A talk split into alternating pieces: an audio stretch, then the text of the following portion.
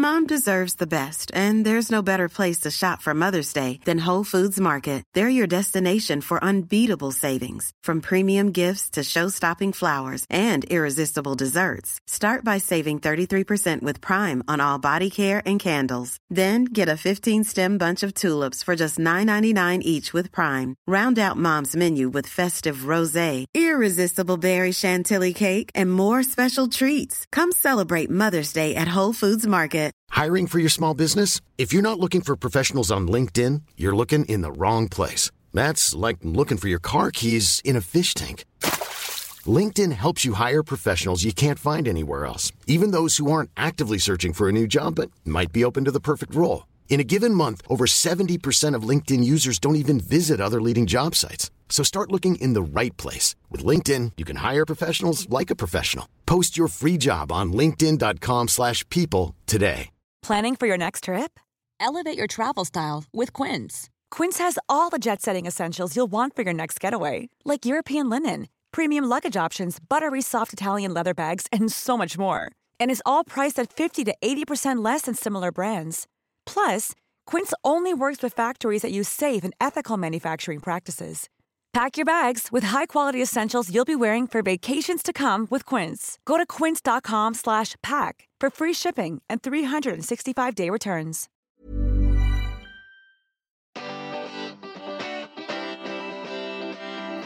Varmt välkommen till Knatteplock-podden. Detta är en podd om mat, barn och föräldraskap. I avsnitten får du lyssna på härliga gäster som delar sina perspektiv, erfarenheter och kunskaper inom dessa spännande ämnen. Podden gör jag som vanligt tillsammans med Bästa Libro. Och den här gången så vill jag slå ett slag för deras blöjor. Jag har faktiskt använt deras blöjor sedan Bonnie var en liten, liten bebis och eh, hennes första blöja var faktiskt en Libro-blöja i storlek 1. Kan ni tänka er hur litet det är? Och min personliga favorit har alltid varit deras touchblöjor. Jag tycker de känns så himla mjuka och jag tror också att Bonnie tycker att de är väldigt eh, sköna. På senare tid så har vi också börjat använda deras byxblöjor. Jag har faktiskt inte använt den varianten så mycket tidigare men eh, nu när både kläder och blöjor har blivit lite av en kamp här hemma så tycker jag att byxblöjan är fantastisk, för det går snabbt. Verkligen ett tips att testa Libers blöjor om ni inte gjort det och tack till Libro som stöttar denna podd.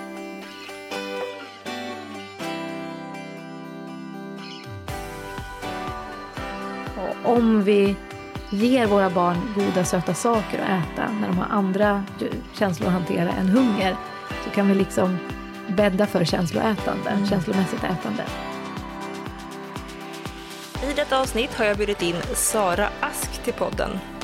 Sara är barndietist och har skrivit flera böcker kopplat till just barn och mat. Och min personliga favorit av hennes böcker är Första hjälpen vid matbordet. Hon föreläser dessutom och har även många års erfarenhet från vården. Hon kändes verkligen som helt rätt person att bjuda in på det här temat, nämligen barn och socker. I vårt samtal så svarar Sara på frågor om fruktsocker och lördagsgodis och klämmisar och blir verkligen barn hyper av socker. Massa spännande frågor. Jag tycker att det blev ett väldigt bra avsnitt med en fin nyans i en annars ganska polariserad debatt. Hoppas att ni gillar detta. Avsnittet kommer här. Hej Sara! Hej! Hur är läget? Läget är bra. Vad härligt. Ja. Så kul att du är här. Jag har verkligen sett fram emot det här och eh, jag tycker det här ämnet som vi ska prata om är väldigt spännande. Ja men kul, för det tycker jag också. Ja. Vill du berätta lite om dig? Ehm, jag är eh, barndietist i grunden. Jag jobbade nio år på Karolinska, på barnsjukhuset där. Ehm, sen så är jag, sen tio år tillbaka så är jag egenföretagare som skriver böcker och föreläser om mat i olika sammanhang. Och jag är också mamma till tre barn. Härligt. Hur gamla är dina barn? Mina barn har hunnit bli ganska stora. Mitt äldsta barn eh, blir faktiskt 18 om tre månader. Oj, sen har jag, Ja, stort. uh, och sen har jag en 14-åring och en 10-åring. Så lite ah. utspritt. Ja, mm. kul. Vad har eh, varit din upplevelse med maten och dina barn? Att det är väldigt stor skillnad på eh, nyfikenhet, på, nyfikenhet och skepsis på mat. Eh, verkligen. Tre helt vitt skilda eh, barn och aptiter. Att det inte bara är miljön som påverkar kanske, utan Nej, annat att det faktiskt är allra främsta hand är annat som påverkar. Ja. Gener och upplevelse av smaker och konsistenser och så. Ja. Ja, det är väldigt eh, spännande, tycker jag. Och du har ju träffat många barn också i, i vården. Ja, väldigt Ja. många barn. Ja. Ja, spännande. Hur kommer det sig att du inte är kvar i vården utan gör annat nu?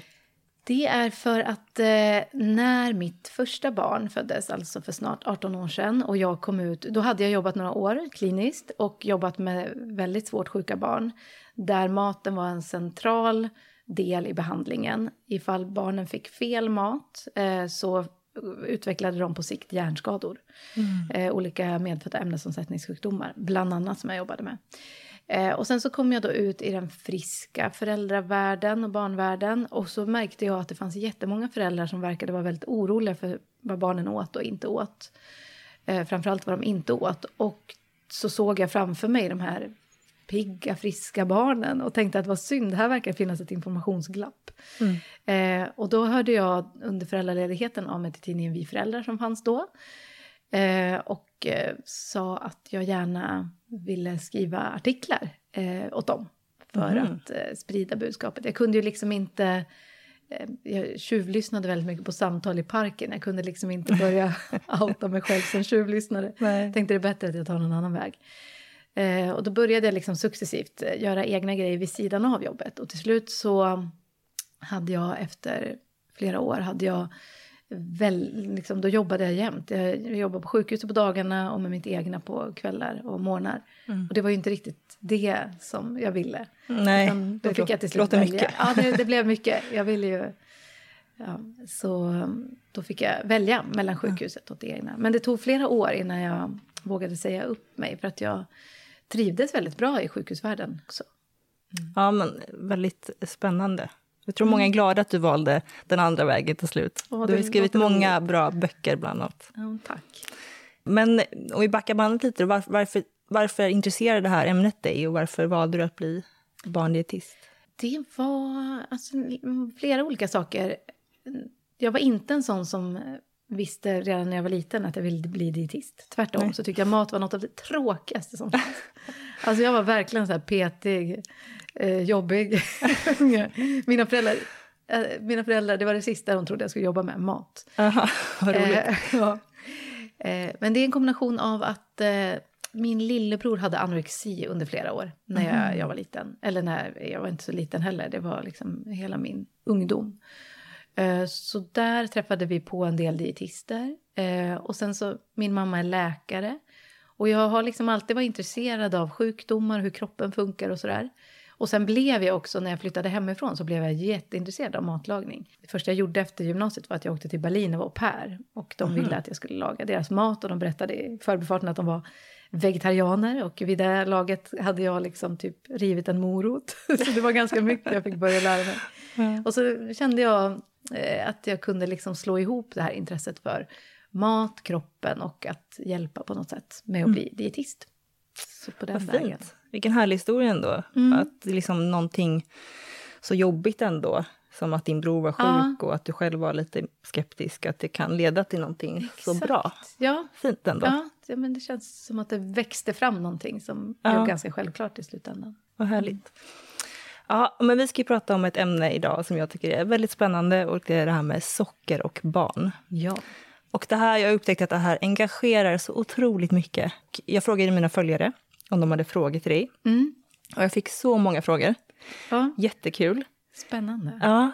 Varför tror du att det här ämnet engagerar så mycket? Ja, alltså jag tror att det engagerar för att eh, föräldrar dels märker att deras barn gillar söta saker. De kanske delvis undrar lite om de själva är bidragande till det eller om de kan påverka det på något sätt eftersom många dessutom då har läst ganska mycket eller hört ganska mycket om att det är inte bra att äta för mycket. Och man kanske undrar vad är för mycket? Vad kan hända egentligen? Eh, Hur mycket påverkar liksom barnens eh, sinnesstämning? Blir de hyper av socker?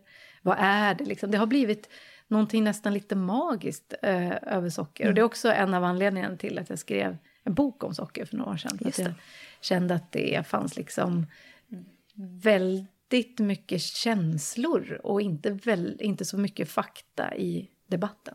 Mm. det kan jag hålla med om. Det är mycket frågor mm. och lite svar. Alltså det är svårt mm. att hitta mm. liksom, tydlig fakta och tydliga svar. Det finns mm. väldigt många, det är väldigt polariserat tycker ja, jag. Ja, det tycker jag också. Verkligen. Um, så det ska bli jättespännande att höra lite vad du, vad mm. du har för tankar kring de här frågorna som har eh, ställts av ja. följarna. Eh, så jag tänker, vi har fått många, så jag tänker att vi kör igång så att vi ja. hinner med så många som möjligt. Jättespännande för mig också. Eh, och den första frågan som jag... Jag fick mycket frågor om just det här med naturligt socker. Mm. Och bland annat då främst fruktsocker, som man kanske tänker, ja men frukt innehåller mycket naturligt socker. Mm. Hur farligt inom citationstecken är naturligt socker och fruktsocker? Är det någonting som man bör begränsa? Hur ska man tänka kring det? Ja, Eh, och då ska jag börja med att eh, reda ut begreppen lite. För det är lätt att tro att eh, det som finns i frukt är fruktsocker och det som finns i vitt raffinerat socker är ett annat socker. Men fruktsocker, alltså om man tittar på så här sockermolekyler, när vi, när vi pratar om socker, då är det eh, en disackarid, vilket innebär att det är en molekyl som är ihopsatt av två olika enheter. Det ena, den ena heter fruktos och den andra heter glukos. Och så är de liksom sammankopplade och då är det socker.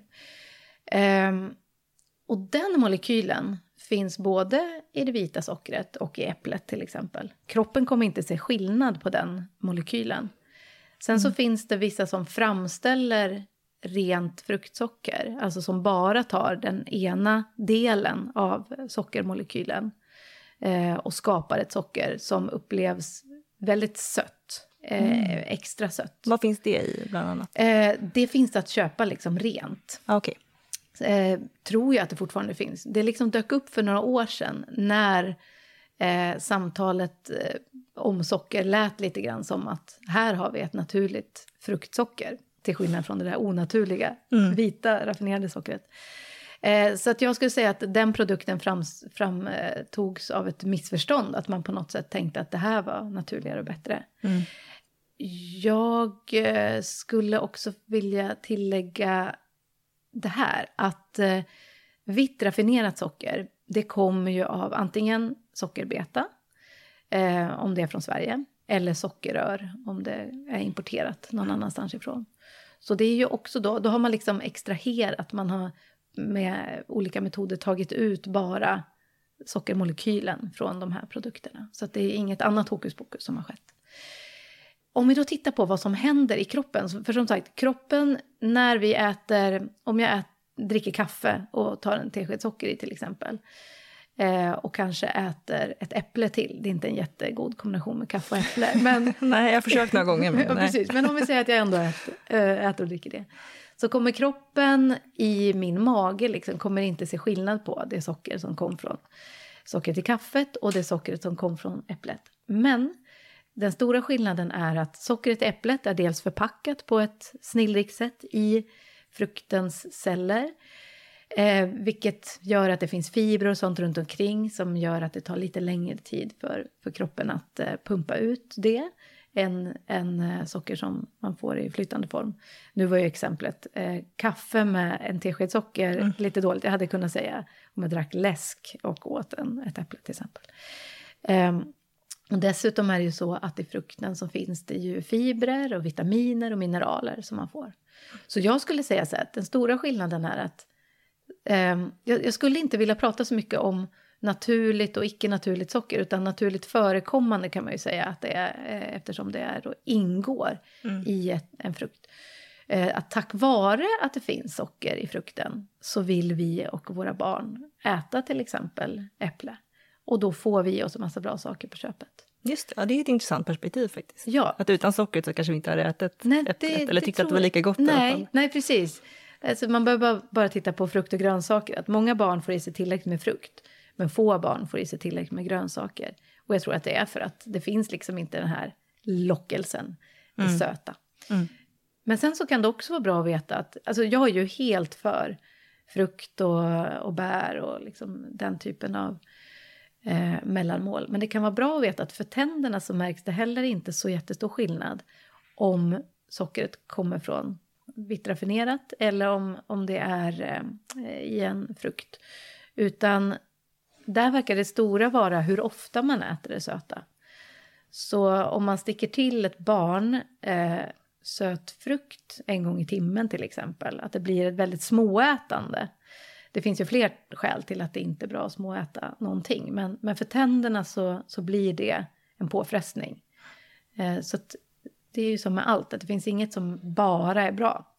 Eh, men som sagt, det finns ju flera skäl till att det inte är bra att, att sticka till någonting mm. eh, ofta. Så på frågan så här, kan det bli för mycket frukt, då är det snarare att man inte ska ge det för ofta under dagen? Ja, precis. Eller kan det bli för mycket frukt också? Jag tänker eh, att det kanske kan påverka aptiten. Ja, det kanske har med småätandet att göra i ja. Men... Nej, men jag skulle säga att det finns, eh, det finns ju alltid extremfall, liksom barn som kanske typ bara vill äta frukt så att det blir ingen aptit över till annan mat. Och det är som med allt, att det är aldrig bra att fokusera för mycket på en livsmedelsgrupp för då är det någon annan som stryker på foten. Eh, så det skulle kunna vara, åtminstone i teorin, eh, ett problem. Och sen då, om det blir för ofta, att det är mm. de två problemen som jag ser i så fall. Mm. Eh, men för de allra flesta så, alltså ett jättebra mellanmål. Eh, servera vatten till som, som hjälper till att så skölja bort eh, sockret. Så... så frukten är inte farlig helt enkelt? Nej, verkligen inte. Det finns så många bra, alltså fibrerna som ju hjälper barnen. Det är många barn som har trög mage. Fibrerna i frukten är superbra mot trög mage. Vitaminerna, mineralerna, skyddande växtämnen. Mm. Och att man gärna får, så fort barnet är redo att äta någonting med skal, så får man jättegärna låta det som, alltså jag menar ju inte då bananskal, eller nödvändigtvis, även om jag vet att det finns vissa som eh, lagar säkert goda resträtter på bananskal, så kanske jag inte är först i klassen. Jag har aldrig sett men, nej, men kanske går. Eh, det mesta finns. Ja. Eh, men, eh, nej, men så här, päron med skal till exempel, så fort barnet mm. är redo för det, att man låter skalet vara på, bara tvättar frukten och ger. För det finns bra saker i Just skalet det. också. Mm. Ja. Och är det okej att ge till exempel en frukt efter maten som efterrätt? Jättebra, mm. suveränt. Eftersom eh, mat som serveras ofta kan innehålla eh, järn från vegetabilier. Till exempel potatis innehåller järn, kanske man inte tänker på. Mm. Eh, och järn som är från vegetabilier behöver C-vitamin för att tas upp ordentligt. Det gör stor skillnad om man äter C-vitamin till eller inte så är det ett jättebra sätt att avsluta måltiden på. Också för att det finns ändå liksom lite som tyder på att vi kan liksom vara sugna på något sätt efter maten, som att vi behöver den sista pusselbiten. Mm. Eh, så, så tänker Just jag också att, kroppen är lite smart där och, ja, och skapar det suget. Ja, ja, man vet inte tillräckligt mycket om det än, men många känner igen det där att de är lite sugna på något sätt efter Absolut. maten. Absolut. Ja, jag själv inkluderad. Ja, och jag själv också inkluderad. Eh, ibland, i mitt fall, så blir det en liten chokladbit. Eh, mm. Men eh, frukt kan ju faktiskt vara det som också gör att man blir nöjd. Och då har man fått i sig massa bra saker på köpet. Mm. Så nej, man ska inte tänka att oj, frukten innehåller socker, alltså är det dåligt och blir mm. massa oönskade effekter i kroppen. Utan nej, det, det handlar om, om tänderna. Mm. Ja. Och det här lilla paketet som kommer med ja, frukten, ja, liksom, med alla, all ja, näring. Ja, Det, det jag har fått med en, en godisbit Exakt. där det inte är så mycket annat. Nej, precis. Nej, men jag ser verkligen, jag är glad att frukt innehåller socker. Mm. Mycket glad. Härligt. Till och med.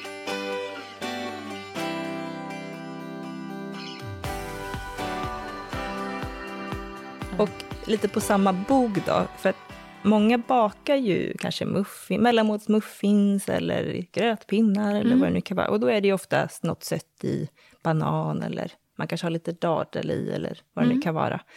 Eh, är det också okej okay, skulle du säga då? Ja. Att man har liksom den söta smaken Absolut. i bakningen? Ja.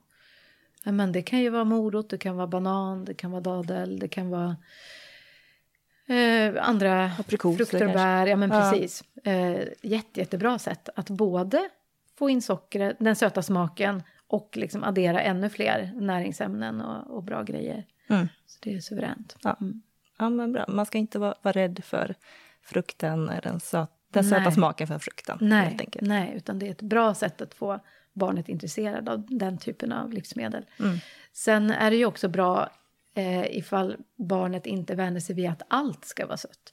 Men det Nej, ger just det. sig själv, tänker jag. Att mat man serverar till lunch och middag kanske inte är av det söta slaget. Så att eh, man får liksom in, och att man återigen liksom serverar vatten eller någonting som inte är sött att dricka till. Mm. Eh, så tänker jag att det blir en balans. Allt handlar om balans. Mm. Ja. Ja, jag gillar det. Balans, Mm. lagom är bäst. Mm, precis, det är de där som inte skapar löpsedlar men som Ja. faktiskt håller i längden, år ut och år in. Ja, men precis. Jag håller med. Ja, men väldigt spännande. Och då kanske vi kan gå över till den då, det tillsatta socker, eller den andra sockerformen, eller vad man ska säga. Eh, jag har fått många frågor kring när kan man börja ge mat med tillsatt socker? Eh, och då tänker jag att man menar kanske bullar och kakor eller glass och kanske till och med godis och läsk, fast det blir ännu mer socker i den typen av Ja. eh, mat. När är det okej att börja introducera de här eh, matgrupperna? Eh, jag tycker det är jättebra att du säger tillsatt socker, för det är precis det det handlar om. Eh, så jag kan bara börja med att klargöra det, att när jag pratar om, om socker i mat och andra livsmedelsgrupper så kommer jag kanske säga tillsatt socker. Och då menar jag när man tillsätter koncentrerat socker, alltså inte banan eller aprikos, utan koncentrerat socker. Oavsett om det då skulle vara så att man tillsätter faktiskt honung eller väljer att bara köpa det här fruktsockret eller vilken typ, alltså, så menar jag koncentrerat socker. När man gör ett, en produkt sötare än vad den eh, i själva verket skulle vara. Och då tänker jag så här att det beror mycket på vad maten eller livsmedlet i sig ger i övrigt. För jag skulle till exempel inte höja på ögonbrynen för någon som gav eh, blodpudding med tillsatt socker till ett barn under ett år. Utan jag skulle säga att perfekt sätt att eh, få in mer järn. Sen vet jag att åtminstone förut fanns blodpudding utan socker också. Och får man sitt barn att tycka om det så är det ju jättebra. Eh, men det kan ju återigen vara så där att, att blodpuddingen blir lite godare om den innehåller socker. Så att där handlar det bara om att, att se till att borsta tänderna morgon och kväll. Ja, det finns ju många livsmedel som har lite socker i sig, alltså, som man Precis. kanske inte alltid tänker på. Nej, och, och som man kan skrämmas lite, upplever jag, liksom från, från media till exempel. Eh, det, det dolda sockret, Mm. sockret som du inte tänker på. Så lyfts till exempel kanske blodpudding, inlagd sill kan lyftas. Nu är det kanske ingenting man ger till de flesta barn. eh, eh, Men, men där är ju en sån där grej som att ja, man dricker ju kanske inte lagen till sillen utan man äter sillen. Och sillen bidrar med mycket annat bra. Men samma sak med ketchup innehåller ju, kan innehålla socker. Det finns ju massor av olika sorters ketchup att välja på där också. Och man kan ju om man vill så kan man ju alltid börja med den eh, produkt där socker inte har tillsatts. Men, men har man ett barn som inte är superintresserat av mat så kan det faktiskt vara så att maten blir lite intressantare om det är lite socker i. Så produkter som innehåller socker och faktiskt också innehåller näring i övrigt, där ser jag inga stora problem med det. Utan det viktiga är som sagt att man låter tänderna vila ett par timmar mellan måltiderna, bra hur som helst. Att man serverar vatten till och borstar tänderna morgon och kväll.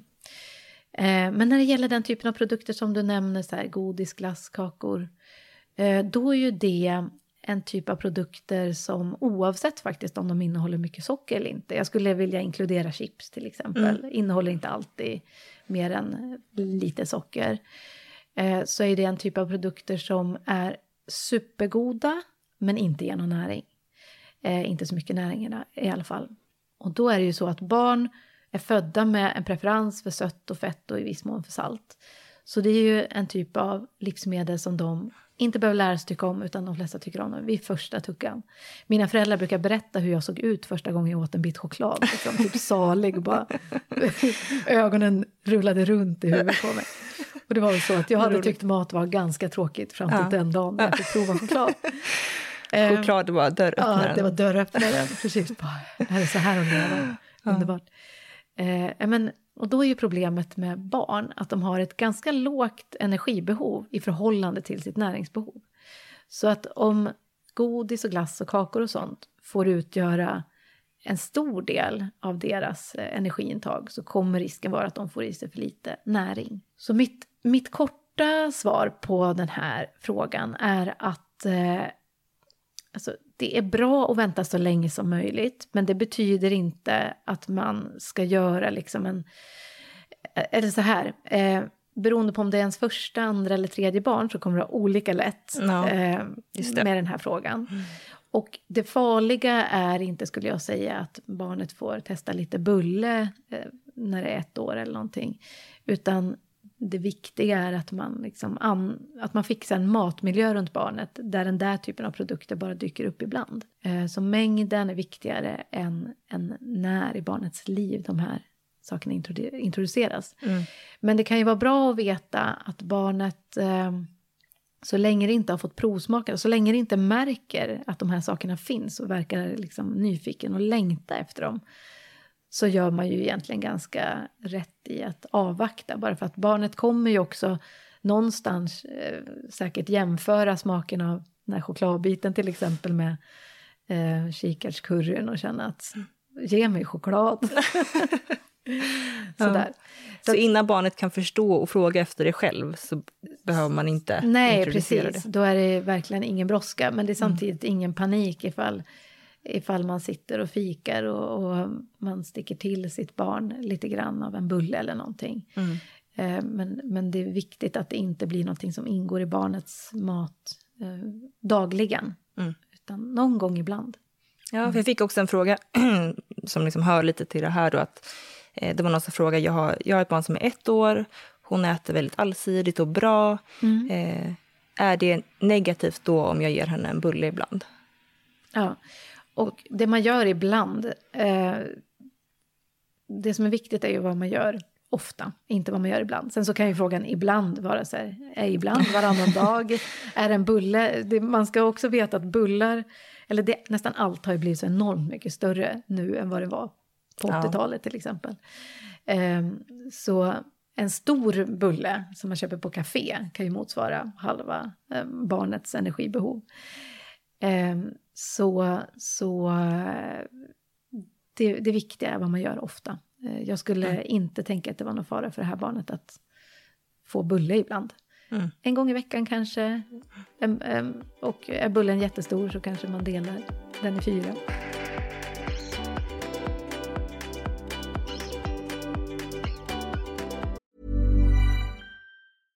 Hiring for your small business? If you're not looking for professionals on LinkedIn, you're looking in the wrong place. That's like looking for your car keys in a fish tank.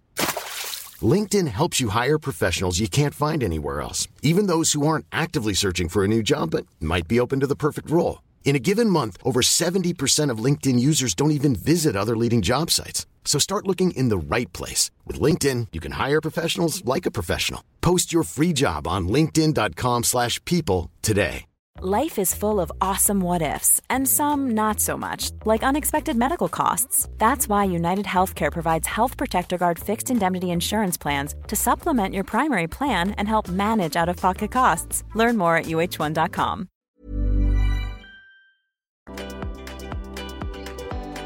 Ja, men apropå det här med att ge mat med tillsatt socker ibland och, och, och inte för ofta. Hur ser du på lördagsgodis?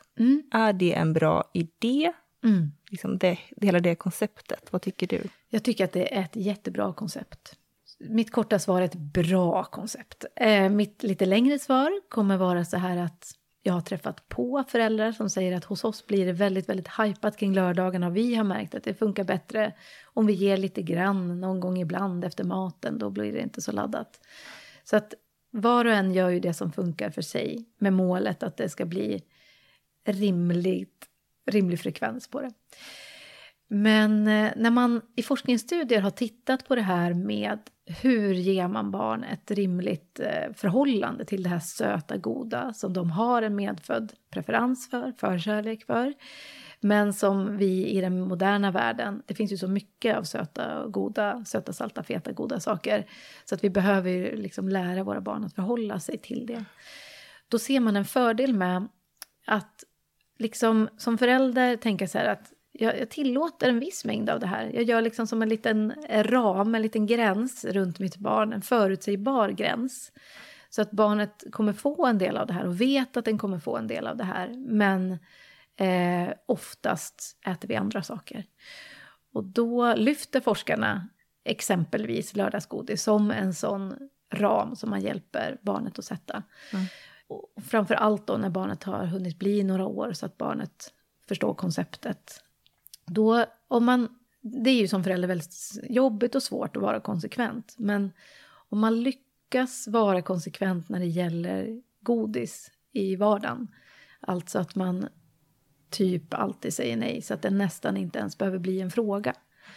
Eh, då har man väldigt, väldigt mycket att vinna. Och också om det inte finns godis hemma till vardags. Man, köper, man går och köper lördagsgodiset på lördagen. Och då får barnet en liten påse och plockar för sig det barnet vill ha. För där tänker jag, det kan jag inte säga att jag har någon forskningsbelägg för, utan där är det ren empiri. Eller så här kan jag säga, att det finns en del forskning som tyder på att det man förbjuder blir man extra sugen på. Oavsett om man förbjuder sig själv eh, någonting så kan det vara det enda man tänker på. Eller om man, om man liksom är för tydlig inför barnen att det här vill jag verkligen inte att du äter, det här är jättedåligt. Så, så kan man riskera att, att det laddas med mm. eh, att barnet blir nyfiken och dragen till det där. Så att jag tror själv att det finns en fördel i att barnen får välja vilka godisbitar de är mest eh, sugna på ja, av det som liksom är, finns att eh, välja i affären. Mm. Jag tror att eh, många är nog rädda att man laddar det genom att göra hela konceptet godis, att det blir så upphöjt om att ah, det här är mm. lördag, nu ska vi gå och köpa godis. Och mm. liksom, jag är också för lördagsgodis, jag kommer också försöka ha det konceptet mm. mitt barn. Men jag tror att eh, det är liksom den uppfattning jag har fått, att många är rädda att man, att man laddar det så mycket istället mm. för att det ska vara något helt Alltså att det ska vara något naturligt. Eller naturligt är det ju inte, men normalt. Jo, nej, men förstår jag, menar? Jag, jag kan verkligen förstå det. För jag har också hört, hört det, det argumentet mot. Och där tänker jag så här att det kan finnas olika barn, det kan finnas olika föräldrar och hur man, hur man tacklar det där. Men som sagt att risken, det finns all, baksidor med allt, så risken med lördagsgodis är ju kanske den att det blir för hajpat. Mm. Jag har själv inte upplevt det i mitt mammaskap. Uh, för jag tänker också att eh, man kan ju tänka lite på hur man pratar om det där. Eh, att man åtminstone själv tänker på att man inte bara wow på morgonen, nu är det lördag, idag är det godisdagen. Utan att man, eh, jag brukar till exempel prata om att när man väl serverar godiset, att oavsett vilken dag det är man serverar det på, att man serverar det när, när barnet är mätt, alltså efter mm. maten. Så att inte både den här suget efter det goda och hungern driver på. Just det. Mm. Och att, att man gärna liksom inte är för tydlig med eh, om man själv inte äter godis till, till, exempel, att man inte håller på och pratar om att ja men, jag, ja, men mamma ska inte äta godis för att det är dåligt, bla bla bla, så här. Utan att det sättet man agerar på, det vill säga att man inte serverar godis varje dag, får vara det, det som barnet eh, förmed, det som förmedlas till barnet. Mm. Återigen, för att jag tycker att det är synd om man, om man laddar med för mycket skuld och skamkänslor och sånt ja, där också, ser man också att det faktiskt kan, kan leda till eh, en ökad dragningskraft. Mm.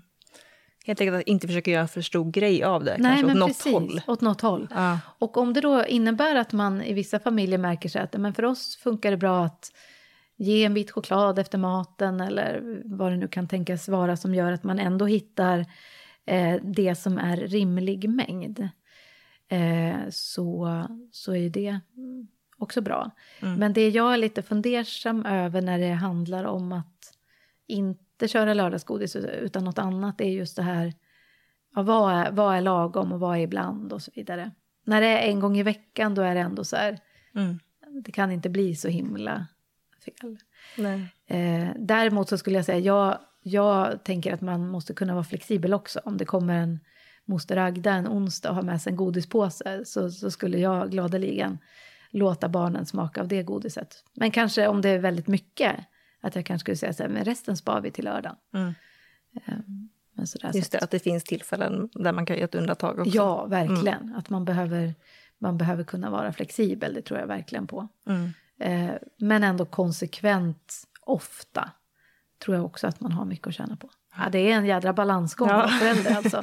Och jag brukar tänka på hur mycket Alltså vi som är föräldrar idag har verkligen så många gränser vi behöver hjälpa våra barn med. Mm. När det gäller allt från så här ätbara saker som är för goda egentligen. Eh, skärmar, fysisk aktivitet. Liksom. Det, det, finns väldigt, väldigt mycket. Det, mm. Men där brukar jag påminna föräldrar om att det är, att sätta gränser är ju också ett sätt att visa kärlek. Men det kan kännas tråkigt och jobbigt när man sätter gränserna. Mm. Men eh, gjort på ett, ja, man kan göra det på ett kärleksfullt sätt och det är ju ett syfte som är gott. Ja. Bakgrunden. Absolut, viktigt med gränser, men jag känner också att det är, det är skönt att höra från dig också att det inte det är inte hela världen att ge godis någon gång ibland och det är liksom, det är bra med rutiner kring det, men att eh, så att det inte blir det här stora förbudet. Nej men precis, det är ju eh. till och med så att jag skulle säga att när jag går igenom forskning på just den här typen av eh, ja, men, ätbara saker som vi inte äter för att kroppen behöver, utan för att vi tycker de är så goda. Då ser jag inget stöd för att förbud skulle vara bra, utan snarast att det finns risker med förbud.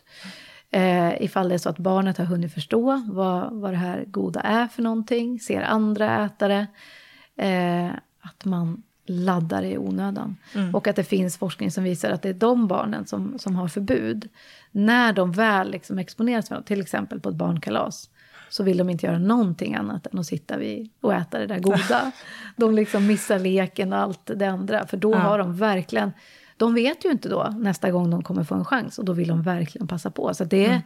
Jag förstår psykologin bakom det. Och jag förstår mm. också psykologin bakom att man vill liksom sanera sitt hem på de här eh, ohälsosamma grejerna som man egentligen inte behöver för kroppen. Men världen utanför är ju inte sanerad. Eh, och det gör ju att det är viktigt att hjälpa sitt barn och hitta ett förhållningssätt. Mm. Ja, det är en bra poäng, att någon gång så kommer de ju möta det här. Ja, ändå, och då vill vi att de ska ha en liksom, sund relation till ja, det från början. Ja, exakt. När de väl möter det. Ja. ja. Ja, väldigt eh, spännande. Jag tycker att personligen att det är väldigt det är en väldigt härlig och mysig upplevelse, eller gemenskap i att mm. ta, dela på en bulle med min dotter på ett café till exempel. Ja. Jag tycker att det gör mycket för matglädjen. Sen, hon, hon har faktiskt inte varit jätteintresserad av Nej. det. Men jag själv är världens fikarotta. Ja, ja. så jag trodde att hon skulle bli lite lika. Men eh, jag tycker att det är en härlig liksom, grej. Jag tycker ja. att det gör mycket för ja, men, matstunden och matglädjen. Liksom, att kunna göra det. Sen kan man ju fika på något annat också, men ändå. Ja, men jag, när, jag, när jag skrev min bok om socker, då läste jag mycket forskning som också handlade om just det här att mat och, eller ätbara saker är ju så mycket mer än sina beståndsdelar. Och just den där pusselbiten som du beskriver, det här att gå och fika, eller att baka något ihop och mm. stolt visa upp och äta det. Absolut, man kan baka sånt som bara gjort på nyttighet, eller man kan gå och fika och säga att du får välja den där raw food daddelbollen. eh, och ba, gillar barnet det så absolut. Men, men jag, jag eh, tycker att den där pusselbiten, återigen, om det inte är någonting man gör var och varannan dag, utan kanske men mitt yngsta barn tycker om att ringa mig på fredagen när hon går från skolan och, och fråga vill du fredagsfika med mig? Mm. Och det tycker jag är jättemysigt. Och då står vi och väljer någonting där. Och sen så börjar helgen. Mm. Uh, och det behöver inte innebära att helgen går sen som en att det är en kavalkad i onyttigheter. Utan vi lagar någon bra middag som alla tycker är god. Eller nästan alla tycker är hyfsat god och så vidare. Ja. Så fort är alla nöjda. Ja, men eh, alla, alla hittar någonting som de ja. gillar och så vidare. Tacos till exempel är väldigt ja. bra. Eh, och, och att man, man blandar upp de där 100% goda grejerna med goda fruktfat, alltså med, med nötter nötter, med, med bra sådana grejer som bara bra också. Mm. Så tycker jag, viktig pusselbit. Mm. Verkligen. Återigen balans. Återigen balans, exakt.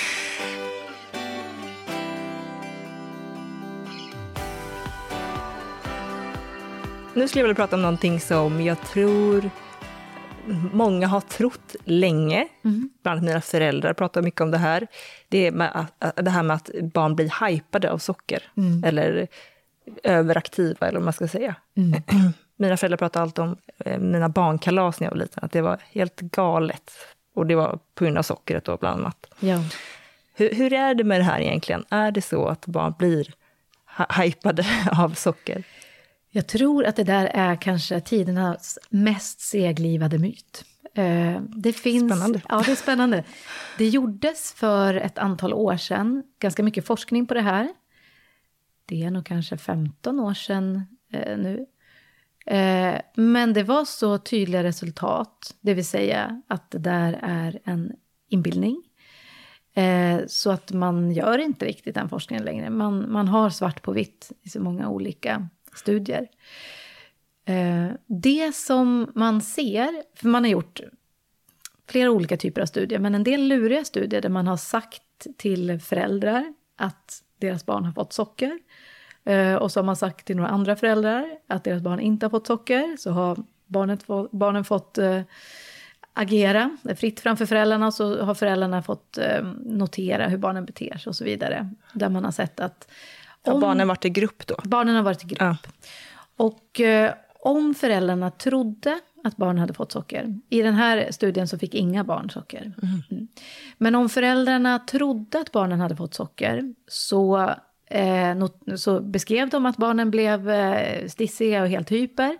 De tog hårdare i sina barn, de pratade liksom irriterat till sina barn. Eh, och liksom betedde sig på ett, ett sätt som, som var liksom eh, inte så jättetrevligt alla gånger. för att de skulle hantera då det här sockerstinna barnet mm. som inte hade fått något socker. Vad intressant. Det forskarna tror, det är att eh, det är situationen när sockret eh, ges som gör barnen... Eh, alltså som gör att, att föräldrar drar den här slutsatsen, barnkalaset till exempel. Mm. För barn kan ju, nu för tiden så kan det ju vara så att eh, om föräldrar inte är jätteobservanta så kanske också en frukost faktiskt kan ge lika mycket socker som ett barnkalas. Alltså om man råkar stapla väldigt söta, liksom, sötad yoghurt med sötade flingor och söt dryck och marmeladmacka mm, så kan mm. barnen vips ha fått i sig eh, ganska rejält mycket socker utan att föräldrarna kanske för den skull står och suckar över att barnen har blivit så mm. hyper, tror jag. Eh, några, några av forskarna till de här studierna de konkluderar så här att... För att man såg också att om barnen trodde att de blev hyper av socker och trodde att de hade fått i sig socker så betedde de sig också. Eh, det kunde hända att de pratade då om att de, att de Åh, nu blir jag hyper för jag blir så hyper av socker. Mm. Och att de kunde liksom spela lite apa. Mm. Så forskarna, forskarna sa så att om du ändå tror att ditt barn blir hyper av socker så säg det inte till barnet. Nej. För att det blir liksom en självuppfyllande profetia då. Det mm. riskerar mm. att bli det. Ja. Eh. Det är ofta så med barn. Om man säger att de är på ett visst sätt så, så ja, ja. blir de ju det. Exakt. Och Likadant om man ska säga att barnet är kräset till exempel. Det är också en, ja, jag tänkte precis säga sådär, att man inte säger nej du gillar ju inte broccoli. Nej. Säg inte det. Nej. De kanske inte gillar broccoli än. Nej. Men, men bekräfta inte det. Utan, ja. nej. Ja. Ja, spännande det här, den här myten. Då kan vi avliva den. Ja, det är, det, det är det jag tyvärr inte tror går. Jag har avlivat den här, jag har försökt avliva den här i, på radio, på tv. Mm. Eh, jag har också försökt säga till vänner som bara, ah, nu blir de så hyper. Men jag har märkt att det är som att de inte ens vill höra. Nej. De vill, inte, utan de vill ha en anledning. De vill ha en anledning tror jag. Ja, ja, ja. faktiskt. Eh, så. Ja, lite på samma tema eh, så fick jag också frågan om barn reagerar starkare på socker Alltså till exempel om att, att, en glass för en vuxen är som tre glassar för ett barn. Och, och, då, och då, kanske vi får tänka bort att det är viktskillnad och mm, mm, skillnad i, i energi och näringsbehov. Men, men reagerar barn starkare på socker generellt? Då tror jag att det finns i den frågan kanske en, en eh, tro på att barn på något sätt blir hyper av socker. Ja, eller att det påverkar eller, neg mer negativt kroppen på något kroppen sätt. på något sätt. Ja, men det som, det som, ehm, det som påverkar mer negativt, det är ju att den glassen kommer ta upp en större del, procentuellt sett, av barnets energibehov och mm. liksom mm. sno plats från energi, eller från eh, näringsrik mat, det vill säga mat som ger vitaminer och mineraler. Så det är ju en stor skillnad. Så. Och då ska man ju också veta till exempel att när det gäller järn så behöver ett litet barn nästan, eller rekommenderat dagligt intag av järn eh, som finns i, i mat och inte i glassen eh, är för ett litet barn nästan lika högt som rekommenderat dagligt intag för en vuxen man. Men en vuxen man äter ju mycket mer mm. mat än ett barn gör. Så, så det är ju det negativa. Ja. Mm. Kan, kan barns sömn påverkas av socker? För det är också en fråga jag har fått. Mm. Det här med sömnen. Inte vad jag har sett.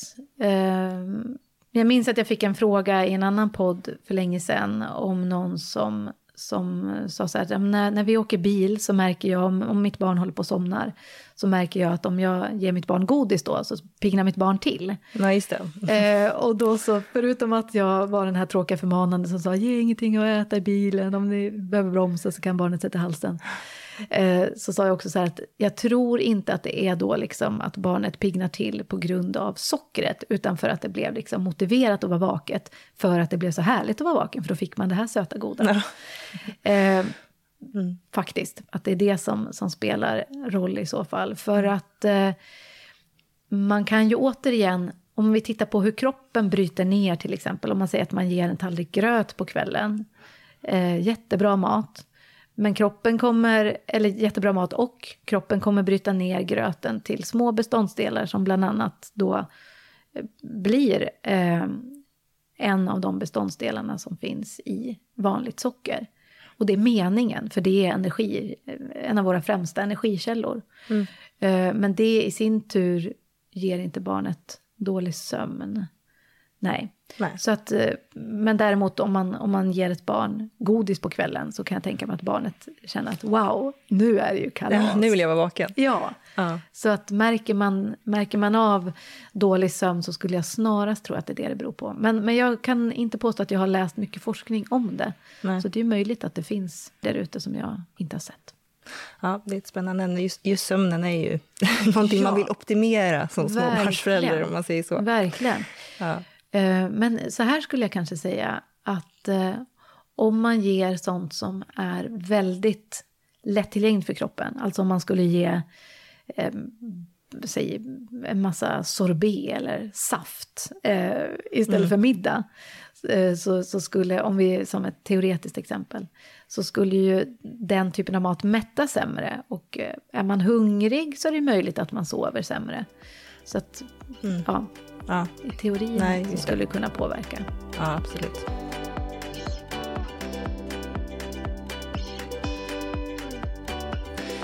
Ja, då går vi vidare till en annan fråga som eh, jag själv har försökt göra mycket efterforskningar kring. Mm. Eh, så det skulle bli väldigt intressant att se vad du säger. Eh, det här med sötningsmedel. Mm. Det finns ju väldigt mycket produkter idag som har sötningsmedel. Mm. Och mycket ersättningsprodukter, eller till exempel ketchup finns det ju med eh, sötningsmedel istället för vanligt socker till exempel. Mm. Är sötningsmedel bättre än socker och hur, hur kan man tänka kring det? Eh, med, med den söta smaken och... Ja, ja men precis. Eh, jag tänker att det finns flera, flera delar där. För barn med diabetes är det jättebra att de här produkterna finns. Uh, särskilt när det handlar om, om uh, sånt som då blir i större mängd, till exempel om barnet vill dricka saft eller dricka läsk någon gång så är det ju jättebra att det finns uh, lightprodukter med, med sötningsmedel. Men jag skulle säga, alltså sötningsmedlen i sig de är godkända ur, ur eh, hälsoaspekter av olika slag. Och där tittar man även på, eller man tittar framför allt på de känsligaste individerna, det vill säga foster och småbarn. Att de ska inte få i sig för mycket, det ska liksom inte påverka dem negativt. Och det är också, det finns här, eh, rekommenderad maxgräns som man inte ska gå över, som också är satt med väldigt god marginal. Och eh, den är, eh, det handlar om stora mängder. Alltså om man får i om man mm. dricker till exempel eh, saft eller läsk i så stora mängder så, ha, så att man slår i det taket, då har man andra bekymmer. Så, okay. eh, så jag är inte rädd för sötningsmedlen i sig. Men jag skulle säga så här att jag anser att det är bättre att försöka hålla nere på sånt som eh, har tillsatt sötma oavsett om det är konstgjort eller om det är eh, vanligt vitt socker. För att eh, inte barnet ska vänja sig vid att allting ska vara sött. Nej.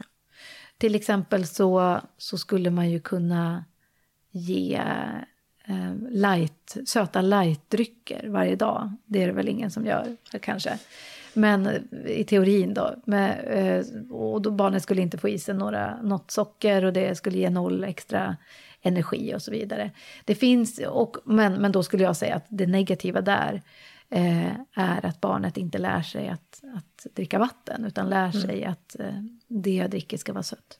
Sen finns det en del som hävdar att sötningsmedel driver på aptiten. Mm. Och de forskarna har ibland fått ganska mycket uppmärksamhet för det är som att tidningar tycker om att skriva om det där. Men eh, det är forskning av ganska låg kvalitet. Man, man kan inte säga att det finns någonting eh, liksom, konsensus kring det här, att det skulle vara på det sättet. Det finns flera forskare som inte har funnit det, mm. att det skulle driva på aptiten. Mm. Eh, så jag tror faktiskt, eh, så länge som jag inte har sett någon övertygande forskning som, som styrker det, så tror jag inte att det är så. Men precis som med socker så upplever jag att det finns en del moral och känslor involverade i det här med sötningsmedel. Att det är som att eh, det finns ett, ett lag som säger att ja, men det ska vara naturligt, det ska vara vanligt socker. Det finns ett lag som säger att nej, men vanligt socker är jättefarligt, ät inget som är sött överhuvudtaget. Och sen så finns det sådana då som jag kanske som tänker så här att eh, amen, en del av det som jag och mina barn äter innehåller sötningsmedel. Jag köper faktiskt till exempel ofta, eller ofta köper jag inte, men om vi dricker läsk så mm. köper jag gärna lightläsk för jag ser inte liksom poängen med att Nej. vi samtidigt som vi dricker det här ska få i oss eh, ganska onödigt stora mängder socker. Det sockret lägger jag hellre i kladdkakan och så äter vi en god, eh, en god efterrätt. Mm. Eh, det kan vara bra att veta att för tänderna så finns det faktiskt ingen fördel med, det verkar vara en utmaning för tänderna eh, med lightdrycker på samma sätt som med sockersötade drycker. Jaha. För att det är ett pH. Ja, jag är ju inte tandläkare nej. så jag ger mig ut nu på... ja, men frätning, frätningsrisken mm. eh, verkar vara minst lika stor med dem. Mm -hmm. Så att man inte tror liksom inte. att... Nej, eh, man slipper då att, att karies får socker att kalasa på. Men, mm. men det verkar kunna fräta på emaljen på ett mm. negativt sätt. Så att det finns ändå idé att eh, inte överkonsumera. Eh, mm. men, men jag tänker samma sak där, att blandning, balans. Men till exempel så har jag en helt vanlig ketchup i mitt kylskåp. Jag ser ingen anledning till att köpa ketchup med sötningsmedel för att eh, ingen i min familj äter eh, fem deciliter ketchup om, om dagen. eh, så. Ja. så man ska inte vara rädd för sötningsmedel, Nej. man kanske inte ska ge det Eh, söta smaker all, hela tiden, för det kan Precis. påverka barnets smakpreferenser. Ja, ja att, att framförallt så behöver barnet lära sig mm. eh, ska finnas en poäng med att dricka eller äta saker som inte smakar sött också. Mm. Jag har faktiskt inte hittat så mycket som styrker att, eh, att man liksom får barnet att vilja att saker ska vara sötare och sötare och sötare i takt med att man ger dem söta saker. Mm. Eh, barn är ju som sagt födda med en preferens för sött. När det gäller salt så ser man att där kan smaklökarna bli lite bortdomnade, eller vad man ska kalla det för. Så att eh, man kan liksom vänja sig vid saltare och saltare mat och tycka att den eh, mat som är mindre salt plötsligt nästan inte smakar salt överhuvudtaget. Men jag, mm. jag har inte riktigt lyckats hitta lika övertygande eh, saker när det gäller sött. Däremot så vet man att barn har en högre tröskel för när de känner söta smaker. Så att barn vill ofta att saker ska vara mycket sötare än vad vuxna vill. Mm. Och man ser också att preferensen för sött ökar under småbarnsåren och under tonåren. Mm. Och att det följer eh, hur barnet växer. När barnet är i en, en, tydlig tillväxtfas så verkar suget efter söta saker vara större än när barnet är i en lugnare tillväxtfas. Just det. Ja, det är intressant. Ja. Det är för att den kanske behöver mer näring. Ja, men precis. Jag, behöver få i sig mer. Ja, exakt. Man ser det hos eh, primater, eh, mm. apor och schimpansungar också. Och, eh, och det är ju mycket, jag tror också att det är kopplat till att naturen har sett till att ja, men under tillväxtperioder, perfekt, gå ut och ät så mycket frukt och, och bär och honung som du kan hitta. Mm naturen hade inte räknat med att vi skulle liksom ha Nej. godishyllan på Nej. Ica och kiosken runt hörnet. det är väl det som är utmaningen med det moderna samhället. Verkligen Våra hjärnor är inte byggda på det sättet. Nej, nej, nej. Verkligen, mm. verkligen. Ja. Mm. Ja, men om vi ska ta en sista fråga, en fråga som egentligen hör till det som vi pratade om i början. Mm. Eh, just det här med frukten och fruktsockret. Det är många som frågar om de här eh, klämmisarna som är mm. så populära idag att ge som mellanmål. Mm. Och eh, jag tror att många har sett på innehållsförteckningen att det är mestadels frukt. Mm. Även de som heter typ grötklämmis så är det mm. ju mestadels frukt, ibland med fruktkoncentrat och ibland inte. Hur, hur bra är dessa klämmisar, tycker du? Ja, men det är eh, en intressant fråga, för det finns flera olika aspekter av dem. där. Men om vi tittar just på innehållet, så skulle jag, om jag valde, så skulle jag vara, välja...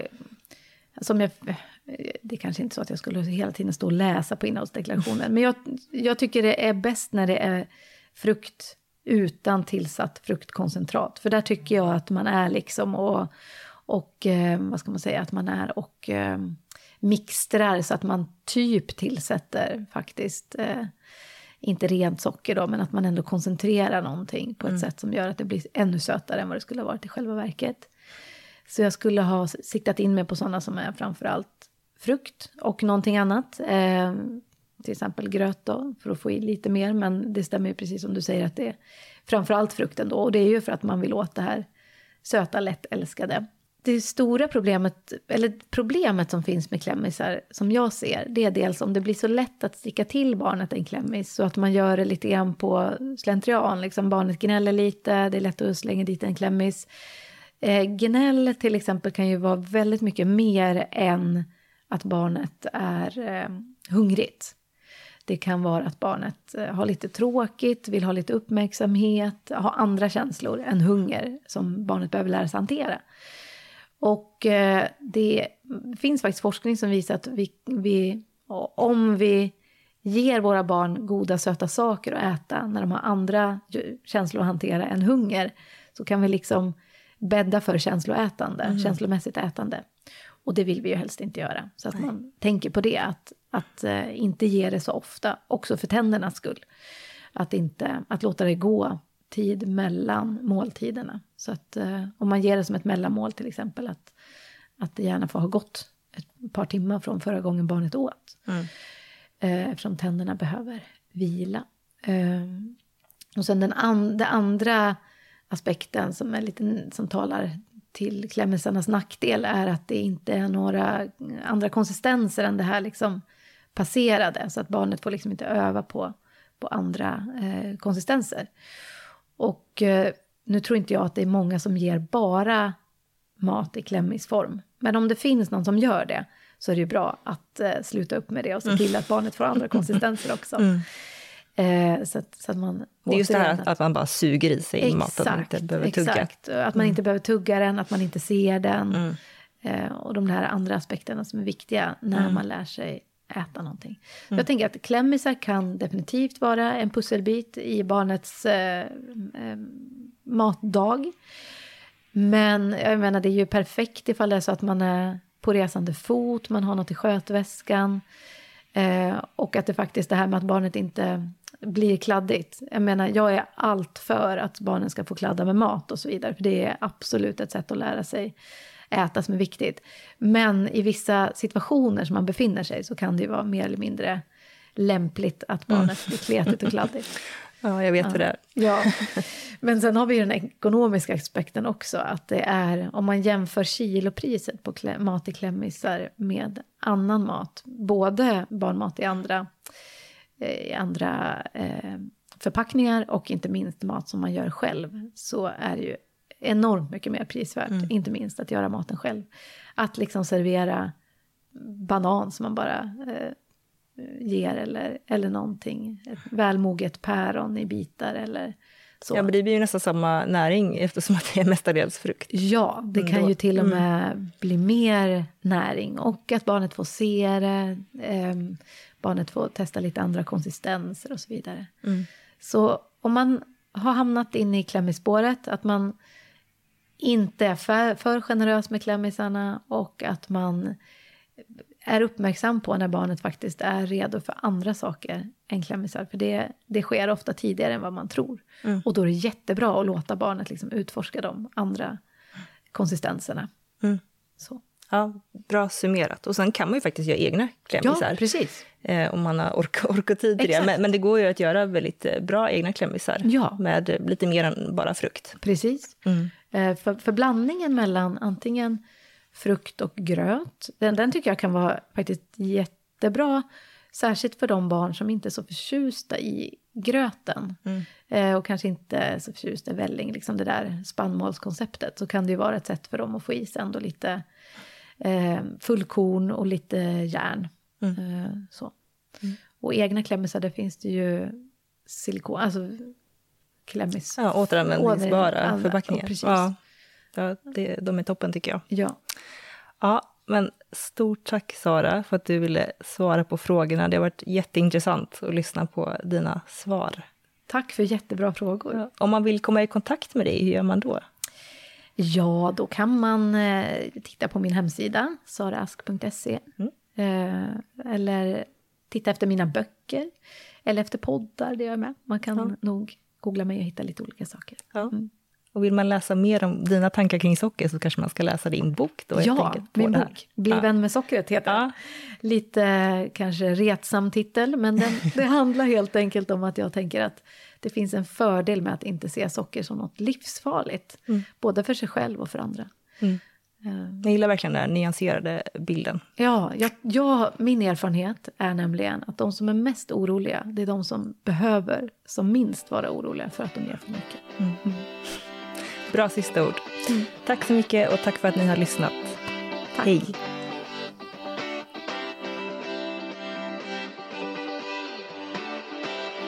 Stort tack för att du har lyssnat på detta avsnitt. Jag hoppas verkligen att du gillade det. Innan vi avslutar så vill jag passa på att tipsa om Libros nya hybridblöja. Jag tycker att det är en helt fantastisk uppfinning som verkligen är rätt i tiden. Den här blöjan består alltså av två delar. En tvättbar textilbyxa som man återanvänder och ett absorberande engångsinlägg. Det innebär då att man slänger och använder mindre material och att blöjan har hela 35% lägre klimatpåverkan än en vanlig blöja. Jag tycker det är så himla bra. Med de orden vill jag önska dig en riktigt bra dag. Vi hörs nästa gång.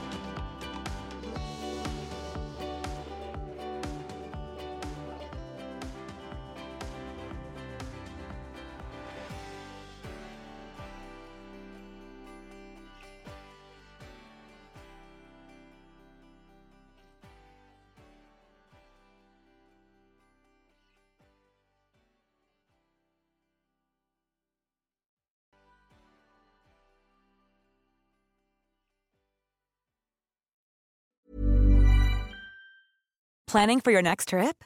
Elevate your travel style with Quince. Quince has all the jet setting essentials you'll want for your next getaway, like European linen, premium luggage options, buttery soft Italian leather bags, and so much more. And is all priced at 50 to 80% less than similar brands.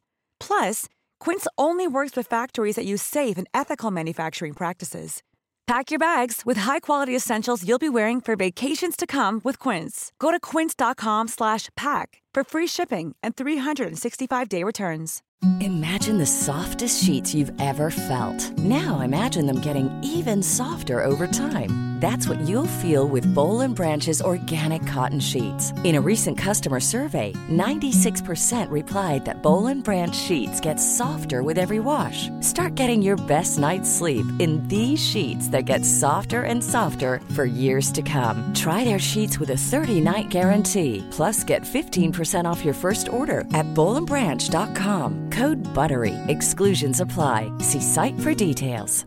Hi, I'm Daniel, founder of Pretty Litter. Did you know cats tend to hide symptoms of sickness and pain? I learned this the hard way after losing my cat, Gingy. So I created Pretty Litter, a health monitoring litter that helps detect early signs of illness by changing colors, saving you money and potentially your cat's life. Pretty Litter is veterinarian developed, and it's the easiest way to keep tabs on your fur baby's health right at home. Go to prettylitter.com and use code ACAST for 20% off your first order and a free cat toy. Terms and conditions apply. See site for details.